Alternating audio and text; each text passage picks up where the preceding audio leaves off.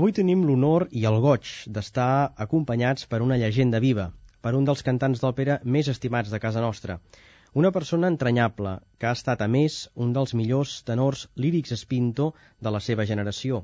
Parlem de i amb Pedro la Virgen, que era a Barcelona el mes de gener com a membre del jurat del concurs internacional de cant Francesc Vinyes i que avui ens acompanya a una tarda a l'òpera, a la sintonia de Catalunya Música. Maestro La Virgen, es un placer que hoy esté con nosotros. Muchas gracias por esas palabras que acabo de pronunciar, que aunque yo no hablo catalán, pero te entendió todo. Gracias.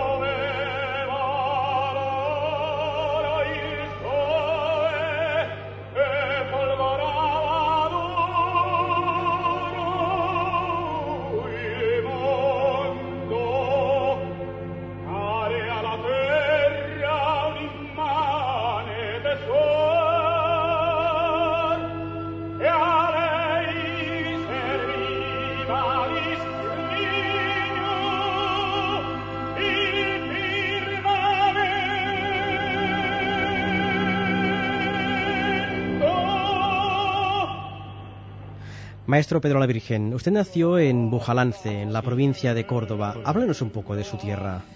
Bueno, eh, Bujalance está situado en una campiña eh, llena de olivares. Eh, en lontananza no se más que un mar de, olivos y pocas tierras calmas que se llaman allí, ¿no? De, regadío, de, sembrado, ¿no? fundamentalmente se cultiva el aceite, ¿no? el olivo. Eh, es un pueblo muy bonito, con dos iglesias impresionantes, sobre todo una de ellas, a la que llaman la pequeña catedral del Alto Guadalquivir, porque es eh, como una catedral enorme, a pesar de que el pueblo no tiene más de 11.000 habitantes y no es muy grande.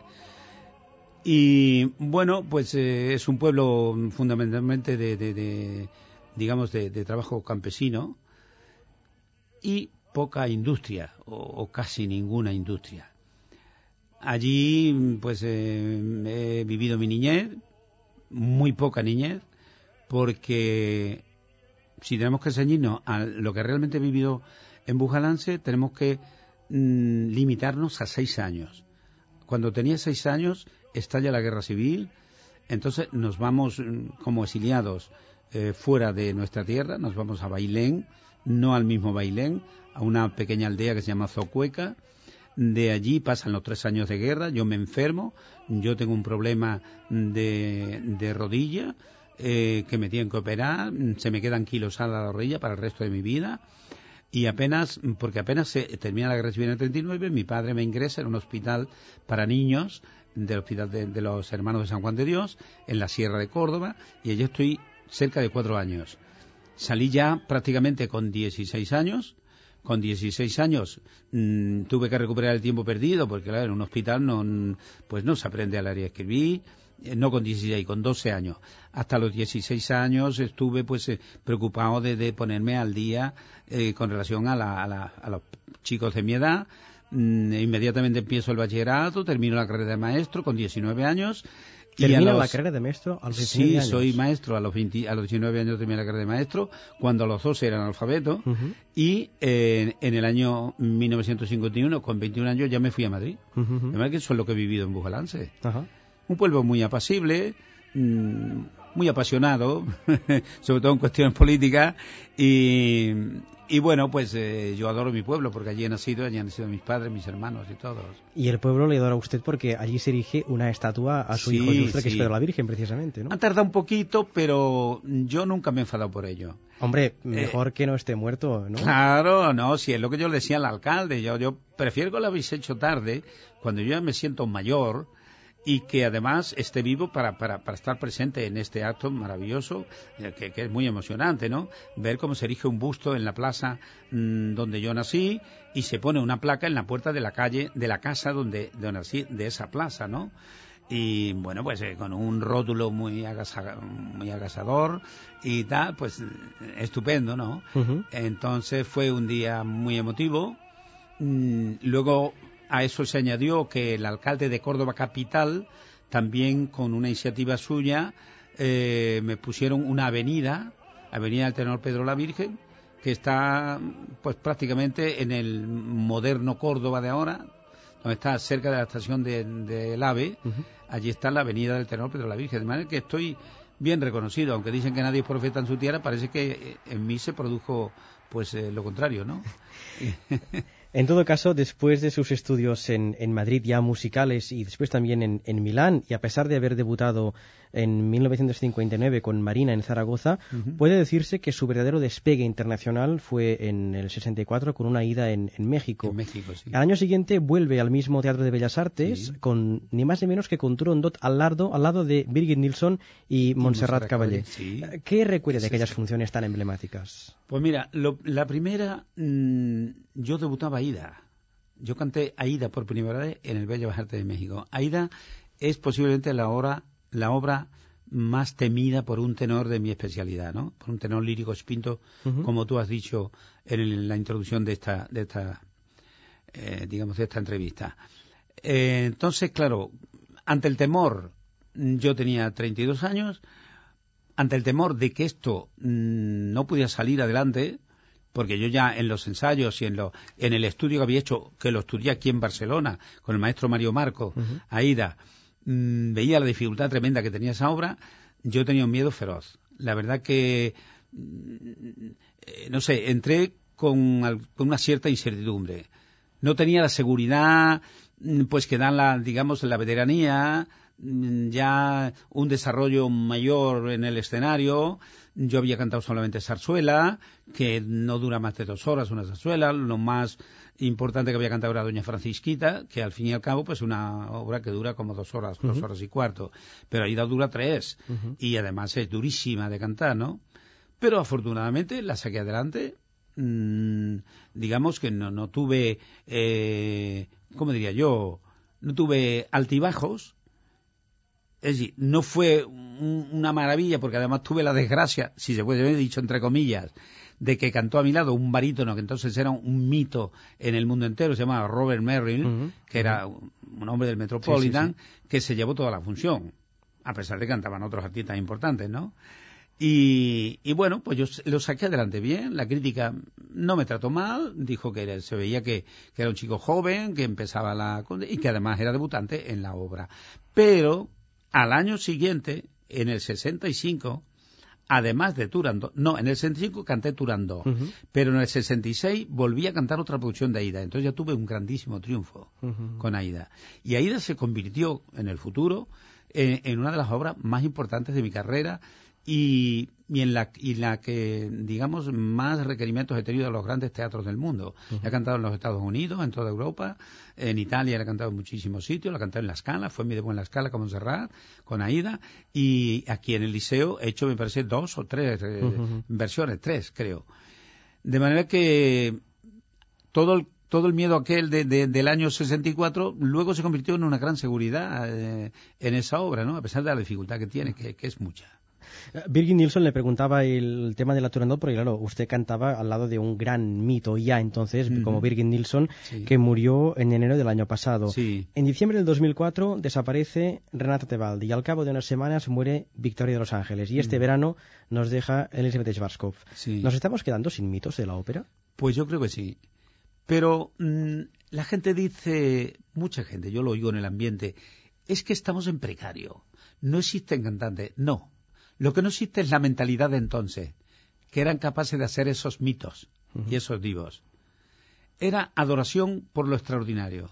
Hoy no hay capacidad para la exaltación por lo extraordinario, pero hay grandes cantantes que no se convierten en esos mitos, porque Vamos a poner los más famosos. Exceptuemos a nuestra queridísima y amerísima Montserrat Caballé, que sigue siendo un mito, pero Montserrat Caballé tiene ya muchos años y todavía canta, lo cual demuestra su talento, su enorme técnica y tal. Pero, por ejemplo, tenemos que mencionar, por ejemplo, a eh, Elena esta, tomó Washington, tenemos que eh, esta, mm, la, mm, ¿cómo se llama? Eh, Keri Tekanagua, eh, podríamos podríamos citar un, carro de, soprano que son buenas todas. Y algunas yo creo que se, hasta se podría comparar con, algunas de aquella época. No se ha convertido ninguna en mito. Tú que eres joven, te habrás dado cuenta que ninguna es un mito. Como lo fue en las barcos que acaba de desaparecer. O, no digamos ya el de o la Calas. O la propia Nilsson. No. Pero no es culpa de que no haya. Es culpa de que la mentalidad ha cambiado. Hoy no se tiene capacidad para crear mitos por una exaltación mm, admirativa sobre alguien. No la hay, no la hay. La gente ha perdido esa capacidad. Yo lo veo, ¿eh? Yo lo veo. Yo todavía sigo admirando lo, maravilloso de la, lo maravilloso de la naturaleza. Mm, eh, cuando alguien hace algo extraordinario, yo, yo salto, eh, me exalto y veo que la gente se queda tan indiferente. Incluso lo, acabo de ver en estos días en, el mismo eh, este concurso Viños que ya ha pasado.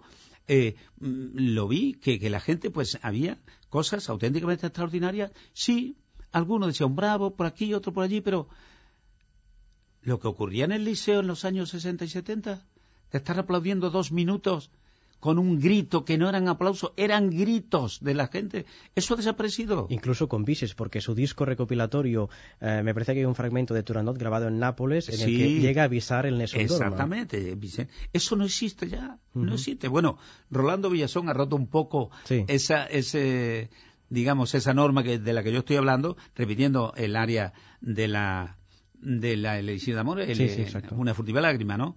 Pero bueno, yo no he tenido la suerte de oírlo, pero me dicen que verdaderamente lo merecía. Lo, saltaba al público, ¿no? saltaba al público. Es un chico que tiene un carisma extraordinario, no solamente ya desde el punto de vista vocal y artístico, sino desde el punto de vista personal. Mm. Se proyecta de una manera extraordinaria sobre el público y lo invade. Sí, sí.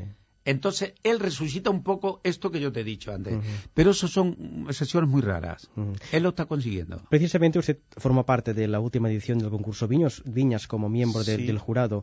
Y me lo decía antes a micrófono cerrado, pero me gustaría que lo oyeran los oyentes. Para usted, el nivel medio de los cantantes que ha tenido oportunidad de escuchar, ¿cómo es? Eh, mire, aparte de alguna rara sesión, este es uno de los concursos más importantes del mundo, el segundo o el tercero del mundo, o el primero si quieres. Pues está Operal y tal igual. Pero como, como concurso de prestigio, este yo creo que es el más importante del mundo ahora mismo, ¿no? Por lo menos de los que yo oigo.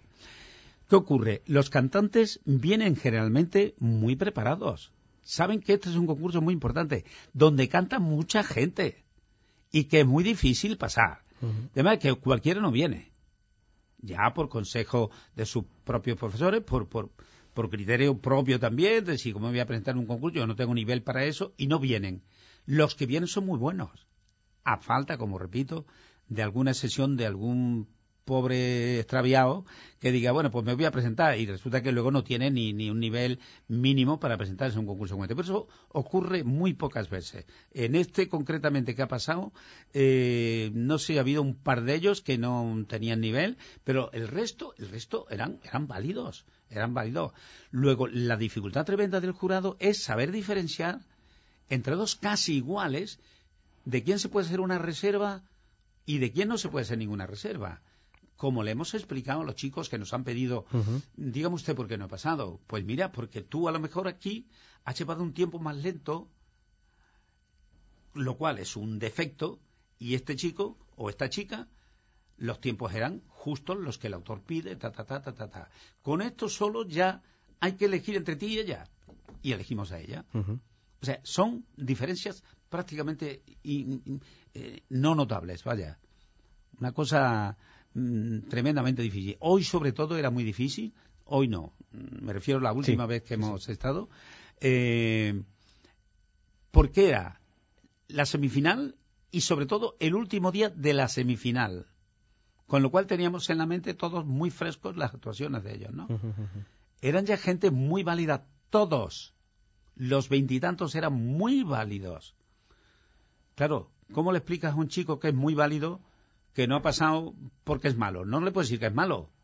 Decir, pues, eres muy bueno, pero quizá este otro ha tenido algo en plus, un plus sobre ti, o bien en la calidad vocal, o bien en el, en el volumen de la voz, o bien en el fraseo, o bien el agudo era más limpio.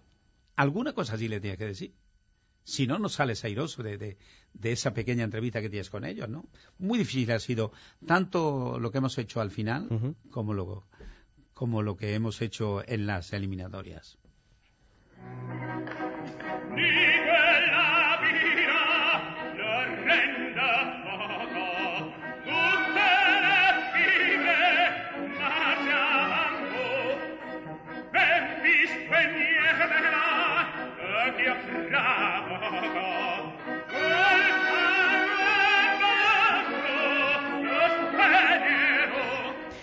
¿Cómo valora Pedro la Virgen su propia trayectoria artística? Yo no quiero pecar de modesto. Mi familia me reprocha siempre este modo de hablar, mi mujer sobre todo. No es pecar de modesto, ni quiero dármelas de modesto. Yo soy tan vanidoso como cualquier tenor, y hablo de tenor porque somos los más vanidosos de, todas las cuerdas de los cantantes. Pero yo siempre me he considerado un profesional de primera. Un profesional de primera, es decir, no un divo. Yo no he pasado esa barrera. ¿Por qué? Pues no lo sé. Puede ser porque yo no lo he propuesto, puede ser porque no he tenido una gente que me llevara a ese nivel y por qué no decirlo, a mí no me duele verdad, porque no haya tenido el talento suficiente o mi voz no haya tenido la calidad suficiente como para, para llegar a ese nivel de divo como es Carreras o como puede ser Plácido Domingo o Pavarotti, ¿no? Pero mmm, si me apuras, eh, yo diría que hay otros cantantes que han sido mejores todavía que los que acabo de mencionar, mm. que a nivel de la popularidad, ¿eh? y no quiero decir ni el nombre, pero me parece que estás pensando mm. en quién estoy hablando, es el mejor de todos, el mejor de todos. Pero no de estos, sino de estos y de los que había antes que ellos y los que había antes que antes que ellos. Uh -huh. La voz y el modo de cantar de la primera época, eso no ha tenido rival en la historia, para mí. Para mí, yo tengo verdadera adoración por esa voz uh -huh. y por ese modo de cantar. Bueno, pues, en Madrid, por ejemplo, aquí sí, aquí estamos en Cataluña, pero en Madrid, tú preguntas por esta persona, bueno, sí, me suena de algo. Hombre, no a niveles de, de, de, de, de aficionados bien informados. Esto no sé quién no lo va a conocer en el mundo entero. Pero a niveles de, digamos, de aficionados más de superficie, ah, pues no, no caigo, no, no lo he oído, no tal. Parece increíble, ¿no? Pues ocurre. En Madrid ocurre, ¿eh? ¿Por qué? Porque esa barrera que ya se encargan algunos agentes y uno mismo, si lo busca, ¿no? Uno mismo, si lo busca, eh, pues, eh, eh, qué sé yo, contratando una agencia de publicidad de alto standing, uh -huh. que digan, oye, a mí no me importa gastarme tres millones de pesetas. Hablo de mi época, ¿no? Sí, sí. O cinco millones, pero tú me tienes que hacer a mí aparecer como el mejor. Yo eso no lo he hecho nunca. Y sé quién no lo ha hecho tampoco. Sí, sí, claro. ¿Comprendes? Lo han hecho un poco tarde, quizá. Uh -huh. y pero bueno, eso no quita. La verdad es una sola. Y la verdad es que para mí permanece eso. En mi caso, en mi caso, sin que yo quiera ni muchísimo menos rebajar ni mi calidad vocal ni mi, talento artístico, que indudablemente lo debo tener si no hubiera cantado en grandes teatros, pues eh, yo no me he propuesto nada. Yo he tenido una familia numerosa, he tenido cinco hijos, eh, yo no he sido rico nunca. Eh, he ganado dinero cantando, ahora vivo pues con bienestar, tengo más de lo que necesito, eh, vivo en un chalet bonito, eh, tengo coches, eh, en fin, vivo bien. He ganado suficientemente para vivir tranquilo el resto de mi vida, ¿no? Ahora, si sigo metido dentro del mundo, digamos, operístico, lírico, es en la enseñanza, que me hace tanta ilusión, o casi, o casi, mmm, como cuando yo cantaba. Es decir, yo veo un alumno con talento que se va proyectando bien y cuando canta, yo sufro igual que sufría cuando yo cantaba. Y, y el sábado, precisamente, el día. De Viñas. Sí. El día 20, eh, pues eh, ha cantado un, dos chicos míos uh -huh. aquí en el Foyer Show que tienen mucho talento y yo los he preparado de principio, ¿no? Uh -huh. eh, entonces, quiere decir esto que yo me veo continuado ahí, ¿no?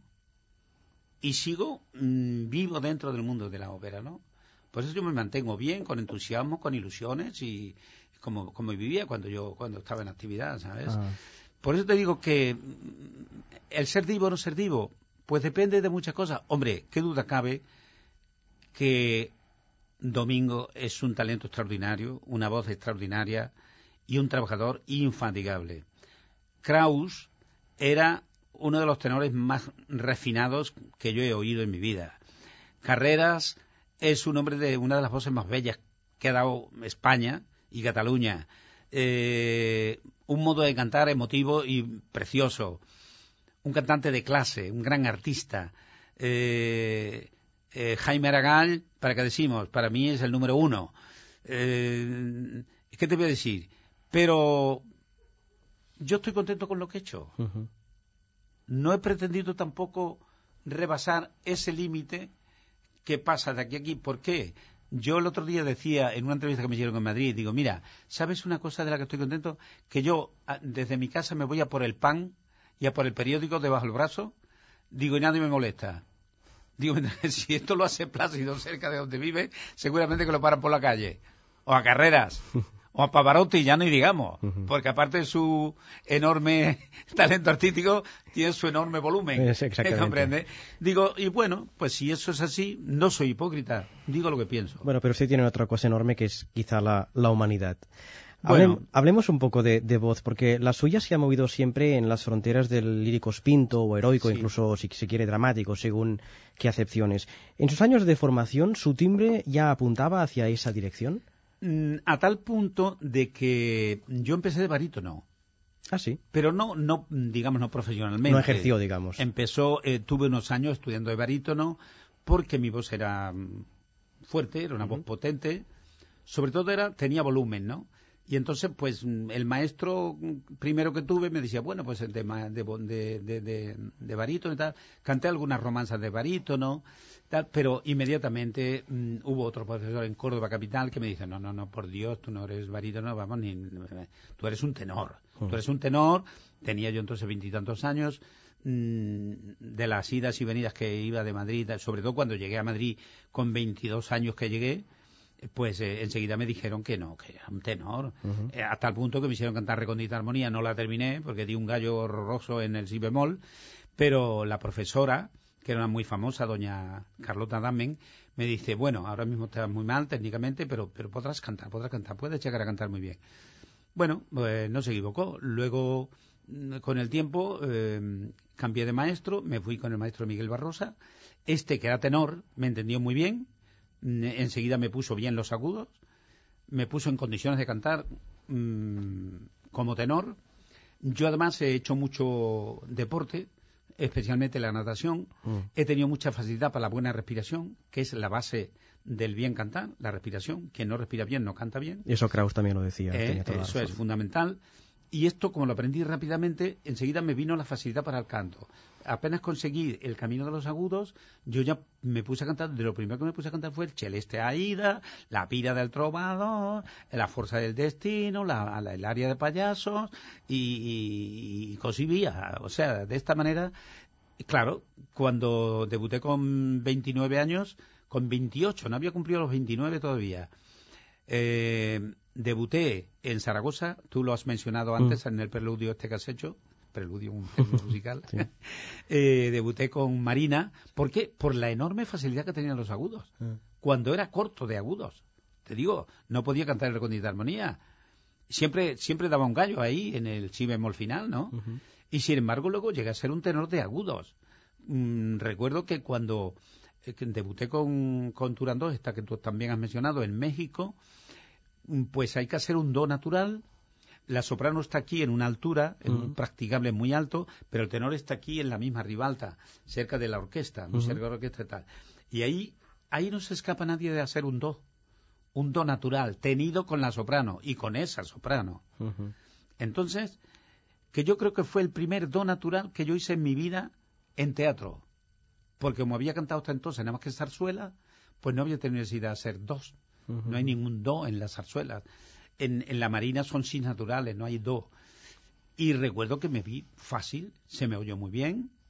Además, yo tengo la grabación de ese día, que fue en el año 65, y se me oye perfectamente el do, junto a este monstruo que era la Nilsson. Lo que pasa es que ella, como te digo, estaba muy lejos de mí. O sea que no, el mérito no es demasiado grande, pero que a mí se me oye perfectamente el do. Ajá. Vamos a oír ahora a Pedro la Virgen en un, en un fragmento de la ópera L'amore di Trerre de Italo Montemezzi. Es E silencio, siam soli, un aria que canta Hábito en el tercer acto. Mm, No digo nada más, dirigía Ino Sabini, no vamos a decir ni a la fecha ni el lugar, sencillamente vamos a oírlo.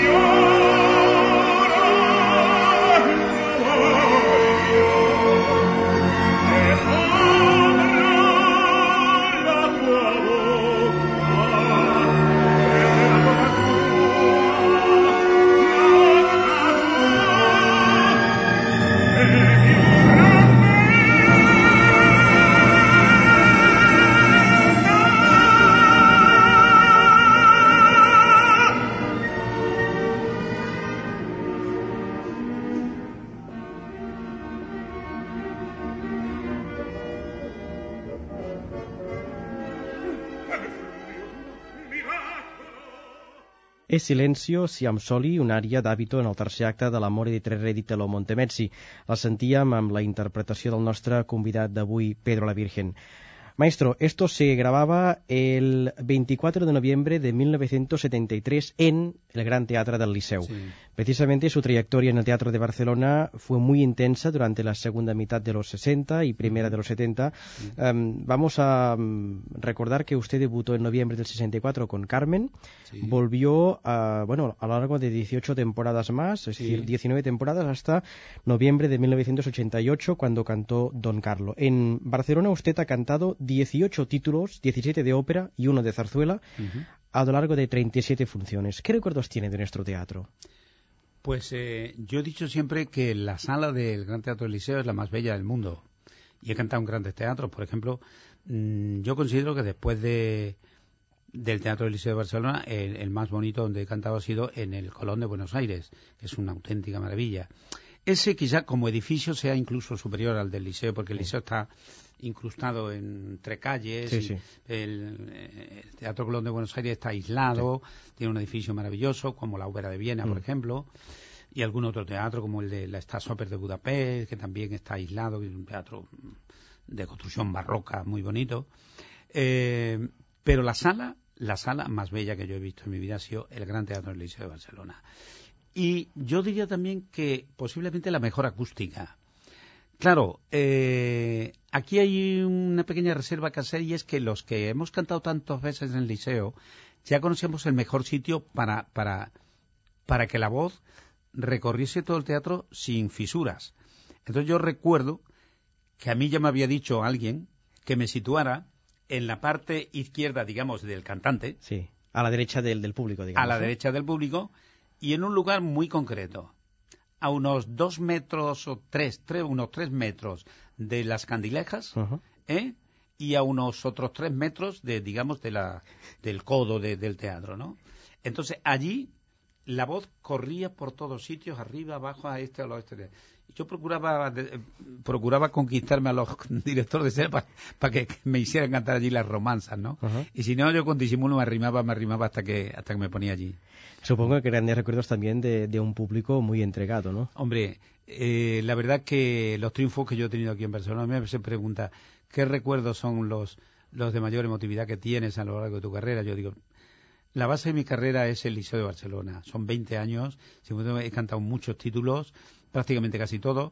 Me ha quedado un título en la recámara, como se dice, que, que lo tengo como una espinita clavada que no, que no cantando Andrea Chenier cuando yo era mm, un buen intérprete de Andrea Chenier, porque dejando aparte las voces que son muy subjetivas de calificar, yo tenía una buena cosa, que era el temperamento y la fuerza. Mm.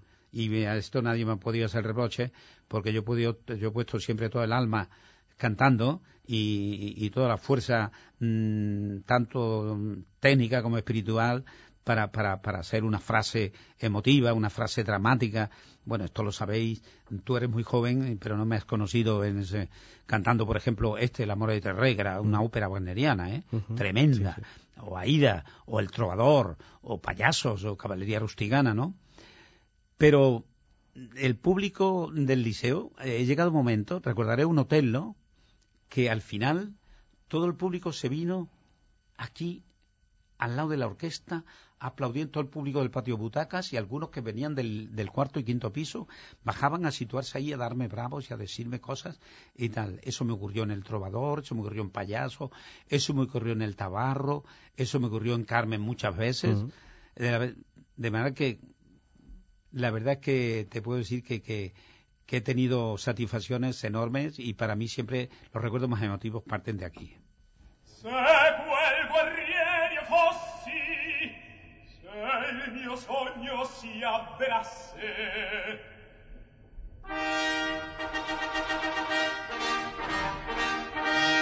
Un esercito di prodi da me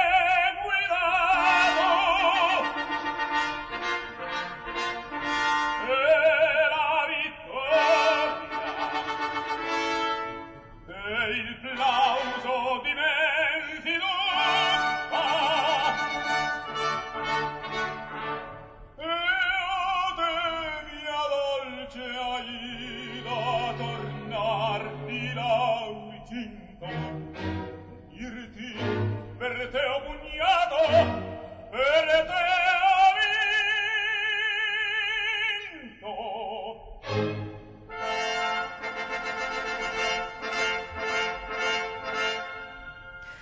Pedro la Virgen debutó en la Scala con Aida, al lado de Sí. Montserrat Caballé y Sí. Piero Capuccilli. Sí. Eh, precisamente oímos su aria de, de salida, grabada en el mismo teatro. ¿Hay públicos más difícil que otros? Se lo digo porque, claro, la Scala, y además si hay que cantar Aida, debe imponer lo suyo y hay que tener los bemoles bien puestos por activa y por pasiva. Pues sí, tengo que decir la verdad. Y como te dicho, yo mm, creo que me distingo siempre por mi honestidad cuando hablo de algo. El público más difícil que he encontrado ha sido el de Madrid. ¿Ah, sí? Sí, de Madrid es un público No se lo vamos a contar. terrible. Eh, no el de ahora, fíjate, mm, yo ya no canto, estoy retirado definitivamente, pero mm, remontándome a los años 50, 60 y 70, donde yo he cantado prácticamente todos los años en los festivales de ópera de Madrid, eh, he visto allí cosas que no he visto ni siquiera en el liceo. En el liceo, a lo largo de los 20 años que he cantado, yo no he visto alguna noche de tremendo escándalo repudiando a un cantante como lo he visto en Madrid. ¿Mm? Y lo he visto, ¿eh? lo he visto, lo he visto desgraciadamente. Afortunadamente yo no he sido protagonista de eso nunca. ¿no? Porque a mí el público de Madrid también me tomó cariño como, como me han tomado aquí en Barcelona, cosa que agradezco tanto, quizás por, por mi entrega o por lo que fuera, ¿no? Porque, bueno, he satisfecho a los que me estaban oyendo. Pero he visto cosas tremendas a cantantes que ni siquiera te menciono, ¿eh? Pero cosas tremendas.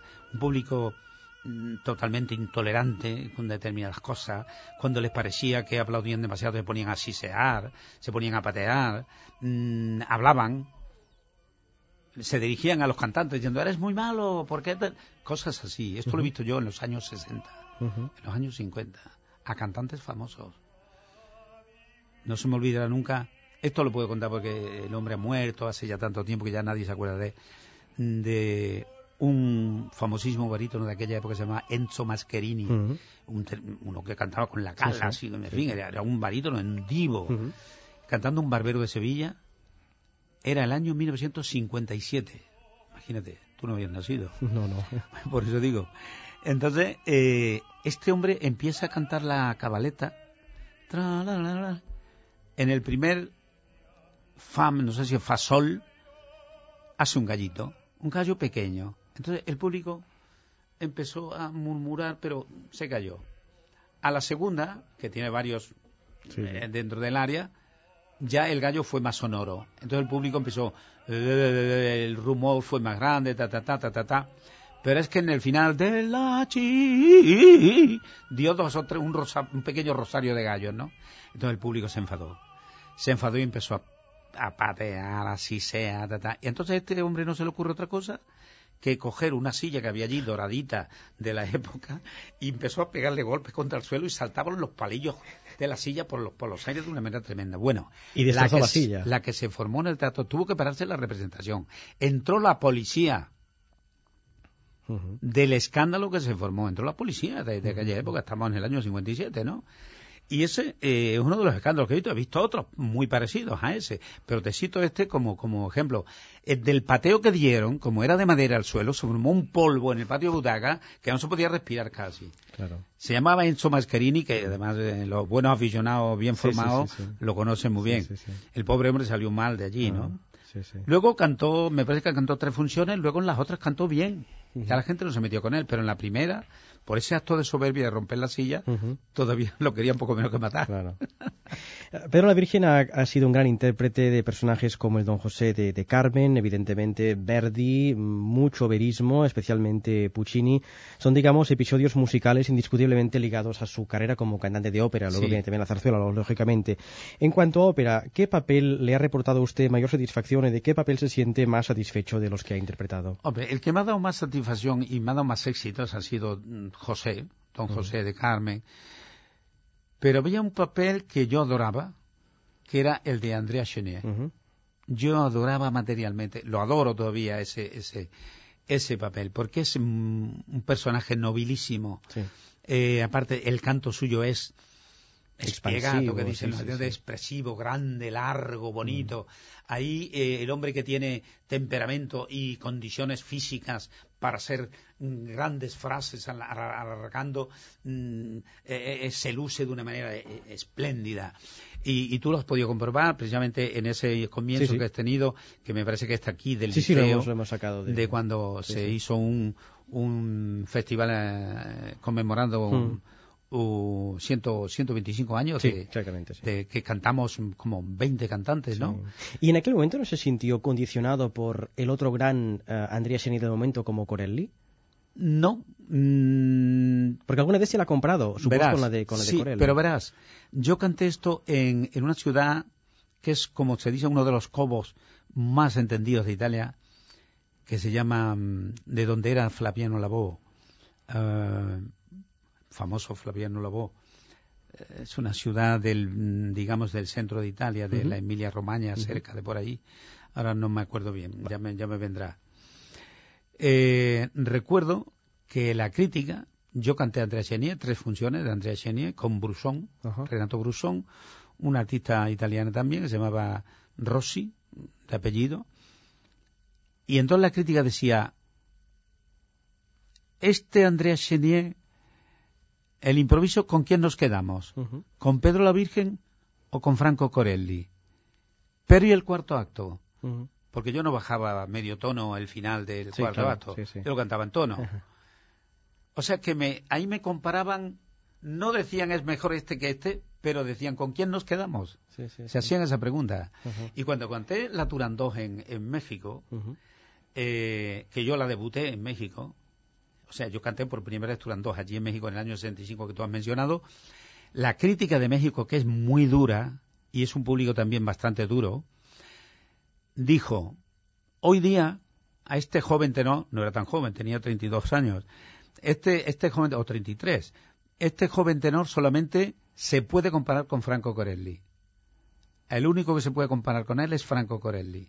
Lo decía la crítica de, lo tengo, ¿eh? Y saldrá en un Sí, libro sí, sí, sí. dentro de poco. Ah. ¿eh? Reproducida la crítica. Me parece que muchas de las, de las preguntas eh, que yo le quería hacer me las ha contestado usted con, con sus respuestas muy inteligentes e incluso hay tres que se la hago en una, eh, pero me gustaría que lo especificara un poco más. Me gustaría saber si usted se considera bien tratado por sus colegas, por la crítica y por la vida en general. Sí. Ya digo un rotundo sí a todo. Primero, por... eh, me has preguntado primero por mis colegas. Sí. Mis colegas he tenido la suerte de que como... No sé si es una virtud, debe ser una virtud. Yo he tenido un carácter afable.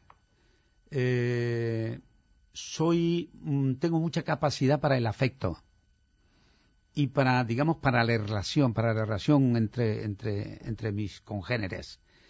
Entonces esto aprendido en la mayoría de los, de los cantantes. A lo mejor ha habido alguna sesión que ni siquiera la sé. Pero a mí, vamos, yo he tenido amigos del alma, como puede ser Aldo Proti.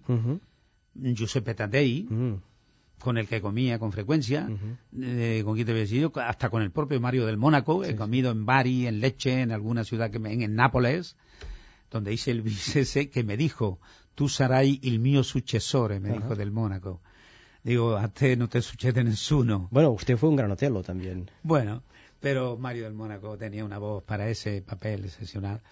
Y por mis colegas, muy bien. ¿eh? Si te digo, si ha habido alguno que tal, yo casi ni me he enterado. Hombre, con unos he estrechado más la amistad que con otros. Las mujeres de las cantantes han sido todas muy generosas conmigo, muy simpáticas. La primera para mí, Monserrat Caballé, que hay hechos inéditos que no, no tengo por qué contarlo siquiera, que demuestran que es una mujer mm, con una capacidad de afecto y de generosidad extraordinaria, y yo lo puedo decir, yo lo puedo decir, y si alguien quiere enterarse bien de esto, se lo puedo contar privadamente, es una mujer extraordinaria. A veces ella se reviste de una severidad o de un distanciamiento, quizá por, por, por, porque ella es una diva, ¿no? Pero cuando llega la hora de la verdad con un compañero, con un amigo, como yo lo soy, mm, de verdad que es emocionante recordar ciertas cosas de ella, ¿no? Ujú. Empezando por la escala, Sí, sí, sí. cuando el debut de la escala. Y en Viena, que he cantado con ella también en Viena bastantes veces. Por... eh, La por- crítica. Por la crítica. Pues mira, hablaba yo con mi bióloga, con mi Biógrafa. bióloga, Dios mío. Biógrafa, es que vengo de comer ahí, he tomado un poquillo de vino y se me ha- se me- Con mi biógrafa que me está haciendo ahora, ha hecho ya una tesis doctoral esta mujer que me va a hacer la biografía y ha escrito ya, la tesis doctoral está fuera, muy extensa, muy extensa, muy extensa, pero claro, ella recrea mucho los ambientes de las distintas épocas de mi carrera. Entonces ella tiene que limpiar bastante eso y ceñirlo más a mi persona, a mi carrera, a mi vida personal desde niño y tal. Entonces va a convertir en una biografía pues de unas 400 páginas o así, ¿no? Y, y se lo refería yo a, a mi a mi biógrafa. Digo, mira, como tú tienes todas las críticas, te das cuenta de que yo tengo más del 70% de críticas positivas. Más del 70%. Si no, no. Yo es que lo veo, yo, yo, lo, yo diría que está casi al 80% las críticas positivas. Otras, digamos, mm, como un término medio. Y algunas negativas, claro, como todos hemos tenido, ¿no? Claro, claro. Pero yo estoy satisfecho. El artista tiene que saber que se somete al juicio de los expertos y, y que no todos, eh, digamos, la valoración de un artista es muy subjetiva, pero mucho más de lo que la gente puede imaginar. ¿eh? Después te contaré una pequeñísima anécdota para que te vean lo subjetivo que es enjuiciar a un cantante. Por parte de un crítico o por parte de un aficionado. En cuanto a la vida, mira, yo tuve una desgracia muy grande que fue perder un hijo mío cuando tenía 28 años ya, con su carrera terminada, era periodista y tal. Y eh, tenía la especialidad de, de audio y, y vídeo, era periodista, como te he dicho, y ya estaba haciendo cine, de ayudante de Summer y tal, ¿no? Y yo lo perdí con mis 18 años, amigo, en un accidente. Y ese fue un golpe muy duro de mi vida. Pero mi vida es larga. Yo tengo 76 años. Ujú. Mi vida es ya muy larga. Eso ha sido un, golpe tan duro, tan duro, que ha afectado, digamos, que ha, que ha descompensado mucho lo- los muchos beneficios que he recibido de la vida. He tenido una, una infancia un poco triste con mi, con mi enfermedad de la pierna, hasta los 15 años aproximadamente, pero he sido siempre un niño alegre, porque cantaba hasta cuando estaba enfermo de niño que mi madre me ponía a que tomara baños de sol porque era estábamos en, en- en plena guerra y, y- y- no había médicos ni había nada. Entonces un médico viejo que había por allí por el pueblo donde estábamos digo porque tome baños de sol a ver si se les, se les hincha esa, rodi- esa se les inflama esa rodilla no pero por lo demás como he sido un niño siempre alegre y optimista pues a partir de que empecé ya a ser maestro y todo ya nunca he estado prácticamente triste verdad nada más que como te digo, cuando murieron mis padres, murieron los dos, y con un hermano mío que ha muerto recientemente, y cuando mi hijo, que sí, ese ha sido el, el golpe más duro de mi vida, porque mis padres eran ya mayores y tenían enfermedades prácticamente incurables y tal, pero mm, cuando lo de mi hijo sí, lo pasamos muy mal. Por lo demás, yo le soy muy grato a la vida, yo soy creyente y doy gracias a Dios todos los días por lo mucho que me ha dado en la, en la vida y, y haberme hecho sobre todo gozar de una carrera que para mí es la mejor que un ser humano puede tener. Esto es un poco egoísta decirlo, pero así lo pienso. Porque cantar, cantar solo, eso es lo más mágico que existe. Y que te admiren y te aplaudan. Y encima te pagan. Y a veces hasta bien, ¿sabes? De manera que eh, estoy muy satisfecho con las tres, las tres preguntas que me has Sí, hecho. sí, sí. A todas te digo que sí. Y no lamenta ya para terminar no haber podido grabar en estudio mucho más de lo que ha grabado. esa es otra espinita que tengo clavada. En mi época no se grababa tanto como ahora. Ahora se graba ya menos, ¿sabes? Sí, ahora sí. Ahora ya se graba menos. Ahora ya los aficionados prefieren eh, eh, producciones en directo. El DVD ¿eh? también. El sí, DVD en directo, DVD con imagen y tal, y sobre todo que sea en directo, que ahí no, no hay trampa ni cartón. Si has hecho un gallo, ahí se queda, y no tienes que... Pero en, los en los estudios se hacen mil, mil arreglos mm, muy canallas a veces, pero se hacen, ¿no? Y sale todo bien. Pero mm, en mi época se grababa poco. Grababa, fíjate que te puedo decir que Kraus empezó a grabar de verdad cuando tenía cerca de 60 Sí, años. sí, es verdad. Ujú, El único que empezó a grabar enseguida fue Plácido.